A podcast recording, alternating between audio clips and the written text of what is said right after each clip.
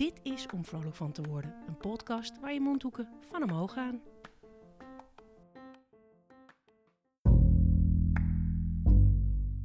Kijk in de koepel. De koepelgevangenis is niet meer in gebruik. Het is er verlaten en ziet er desolaat uit. De sfeer van opgesloten zijn is nog duidelijk voelbaar. De koepelgevangenis in Haarlem is opengesteld voor publiek. Je kan een rondleiding krijgen door de vest en de koepel. Marco, een bewaker die negen jaar werkzaam was in de koepel, leidt je daar rond. Met veel passie vertelt hij over het leven in de gevangenis. In deze podcast hoor je hoe het was om hier vast te zitten en krijg je antwoord op de volgende vragen. Hoeveel bezoek mocht je per keer ontvangen? Hoe laat gaan de celdeuren dicht? Wat staat er op het menu? Wat is het beste baantje in de baaiers? Wat kost een gedetineerde per dag? Hoe is het in een isoleercel? En die ene Duitser, hoe ging zijn ontsnappingspoging? De geluidskwaliteit is soms niet optimaal. Dat maakt de podcast niet minder, maar wel iets intensiever om naar te luisteren. Een educatieve podcast met een glimlach. Wil je ook een visuele impressie hebben bij deze podcast? Dan kan dat via de site omvrolijkvanteworden.nl. We starten in de ruimte waar de gedetineerde wekelijks hun bezoek mocht ontvangen. Leuke link eigenlijk naar waar we nu staan, want dit was de voormalige bezoekzaal. Hier kregen de gedetineerden uh, bezoek van de familie, vrienden, vrouw en vriendin of vrouw of vriendin, uh, kinderen. Uh, soms wat professioneel bezoek, psychiater, psycholoog, dat gebeurde ook nog wel eens hier ook. Um, helaas bestaat het niet meer, maar op de grond ja. ziet u wat, wat kringetjes lopen. En uh, dat was voorheen een, een, een, ja, wij noemden dat de slang. Dat was een houten omheining eigenlijk met een stukje plexiglas eroverheen. En er zaten aan de binnenkant zaten de gedetineerden, die kwamen door die deur.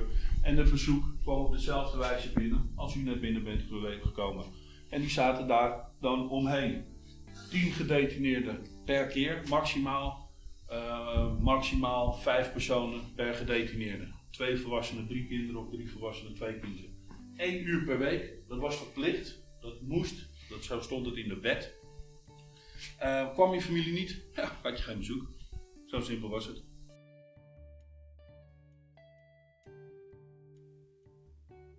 De volgende ruimte is de recreatieruimte. Hier zitten de gevangenen 6 uur per week te recreëren. Dat zijn per keer 24 gevangenen die hier onder andere dominoën en andere emotionele gezelschapsspellen spelen. En er kan in deze ruimte gebeld worden. Was er een bepaalde hiërarchie? Ja, altijd. Er is altijd een bepaalde hiërarchie. De zwaarste jongens, die... En wat is zwaar? Zwaar. Bankovervallen, overval, uh, moordenaars. Uh, het klinkt misschien heel, heel cru wat ik nu zeg, maar die hadden het meer, beter voor het zeggen dan de kruimeldief, uh, de, de, de zeden. ik moet even heel voorzichtig zeggen, heel voorzichtig zeggen. want die zaten hier ook gewoon. Dus ja, er is wel een bepaalde hiërarchie. We hebben zelfs een periode gehad dat de gedetineerde regelde wie er ging bellen. Ja, ja dat, uh, dat was voor ons heel leuk, want wij konden op afstand zien eigenlijk wie er eigenlijk iets voor het zeggen had en wie er als laatste. Dus dat was voor ons natuurlijk ook wel handig om in te zien wie wat betekent in, de, in, in een gevangenis. Maar goed, dat liep uit de hand, want zelf stonden ze een uur te bellen en dan, ja goed, dat werkt natuurlijk ook niet. Uiteindelijk hebben we bellijsten gemaakt, iedereen 10 minuten bellen, afhankelijk van de grootte van de groep. Ja. We lopen nu verder, we lopen nu naar een buitenplaats, het is een sportplaats. Met basketbalnetten en alle lijnen op de vloer, zodat er en gevoetbald kan worden. Er zou kunnen getennist worden. Maar het is heel, heel beklemmend. En mocht je een bal in de lucht willen gooien, dan kan dat niet. Want er zit een ongelooflijk groot gepantserd hek bovenop. Dus dat is, behoort niet tot de mogelijkheden om te kunnen doen. Dat je er ook geen dingen in kan gooien, zoals uh, ballen met drugs, of wapens, of geld, of uh, nog meer drugs. Dus het is hier compleet afgesloten. Je kan er, niet, je kan er absoluut niet iets van buiten ingooien en ook niet van binnen naar buiten gooien.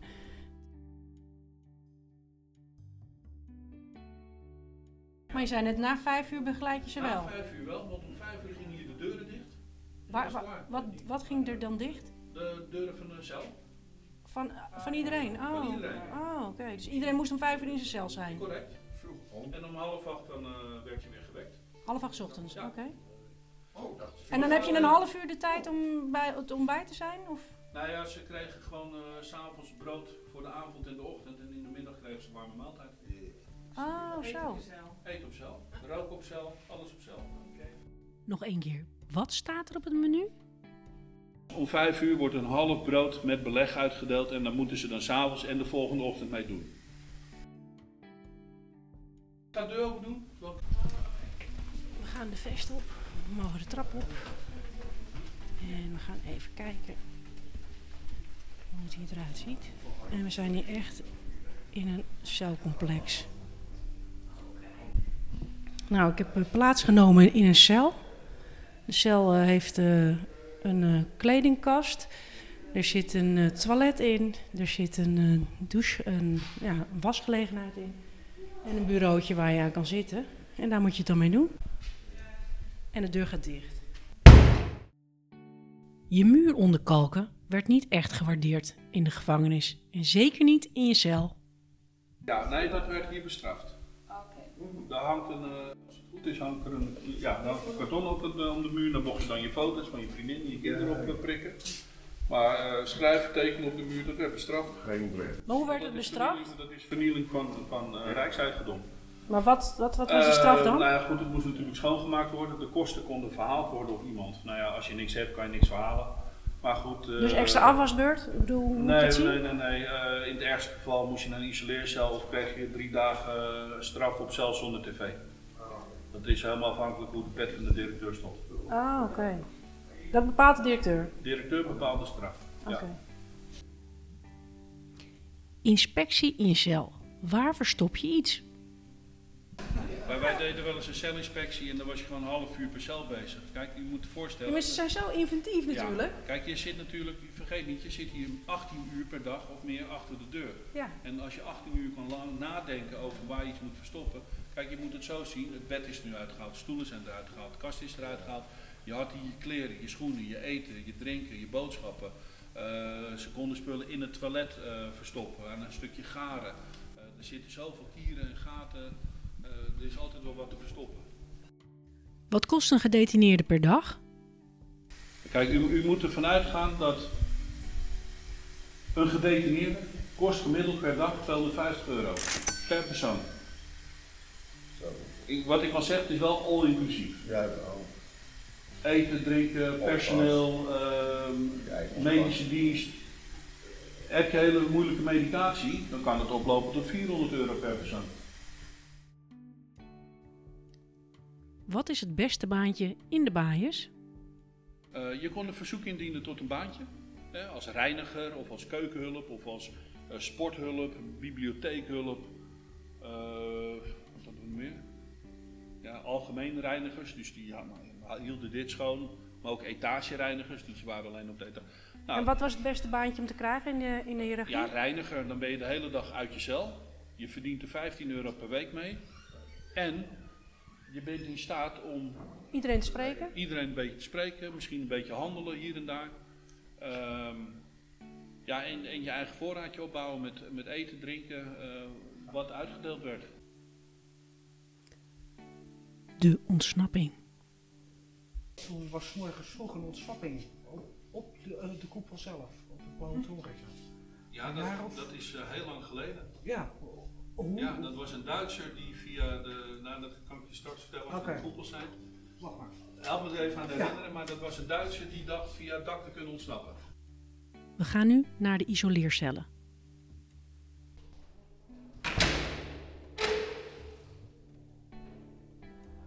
En het is gewoon idioot. Het is zo ontzettend klein. Echt, hoe moet je hier slapen? In de laatste cel zit, zijn er nog wat leuzen op de muur geschreven in niet helemaal correct Nederlands. Zo is de directrice een hoertje en iemand, iemand een klotzak en een lafaard. hier zat, dan mocht je twee keer per week mocht je douchen. Op dinsdag en op vrijdag. De andere dagen mocht je wel even je tanden poetsen, mocht je even opfrissen. En je had ook weer recht op één uur per dag luchten. Alleen, ja, een Ja. uur daar in je eentje, dat doet bijna niemand. Die rookte twee, drie sigaretten. En dan wilden ze weer naar binnen. En dan was het voor de dag Dus klaar. Wat je hier ziet is het. Een, een bed. een matras. Nee, niet eens een bed. Een matras kwam er. En eh, we hadden van die grijze blokken. Ja, daar kon je dan ja, op zitten, zeg maar. Daarna, als ik erop ga zitten, dan eh, is het plat. Maar bij de gemiddelde, ja, daar kon je wel redelijk op zitten. Ja, en, en een plastic kussen, maar dat kreeg je pas avonds na vijf. We mogen nu de koepel binnenlopen. Waanzinnig. We lopen nu die koepel in. Ik krijg gewoon kippenvel. Ongelooflijk groot. Echt, ik zie een en al cellen, cellen, cellen, cellen, cellen. Het zijn dezelfde cellen als waar we net waren, maar dit is echt niet te filmen. Wow. Toiletten hier ook. Het ziet er allemaal heel apart uit. Ja, komt u er bij me bij?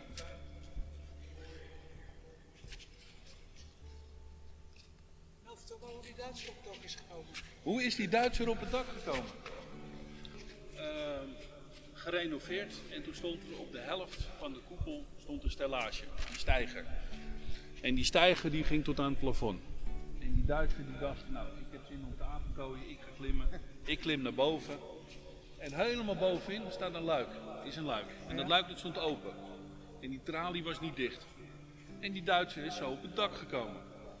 Die heeft Haarlem van bovenaf kunnen zien, want je hebt een gigantisch mooi uitzicht over Haarlem. We staan nu eh, exact in het midden van de koepel. En. Onbeschrijfelijk. De echo hier.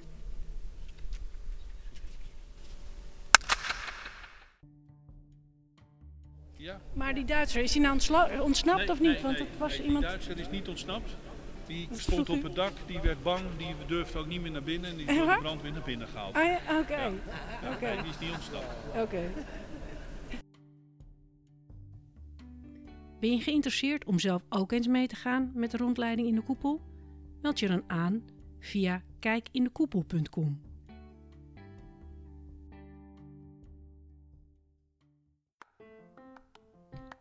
Vond je deze podcast nu leuk of interessant? Kijk dan eens op omvrolijkvanteworden.nl, een podcastpagina van Simone Snatersen. Abonneren op de podcast kan ook via iTunes, Stitcher, Soundcloud of andere geschikte apps die er zijn voor podcast. En eh, verspreid het podcastvirus. En laat een recensie of beoordeling voor me achter in de iTunes Store. Dat zou ik echt heel erg fijn vinden. Doen hoor!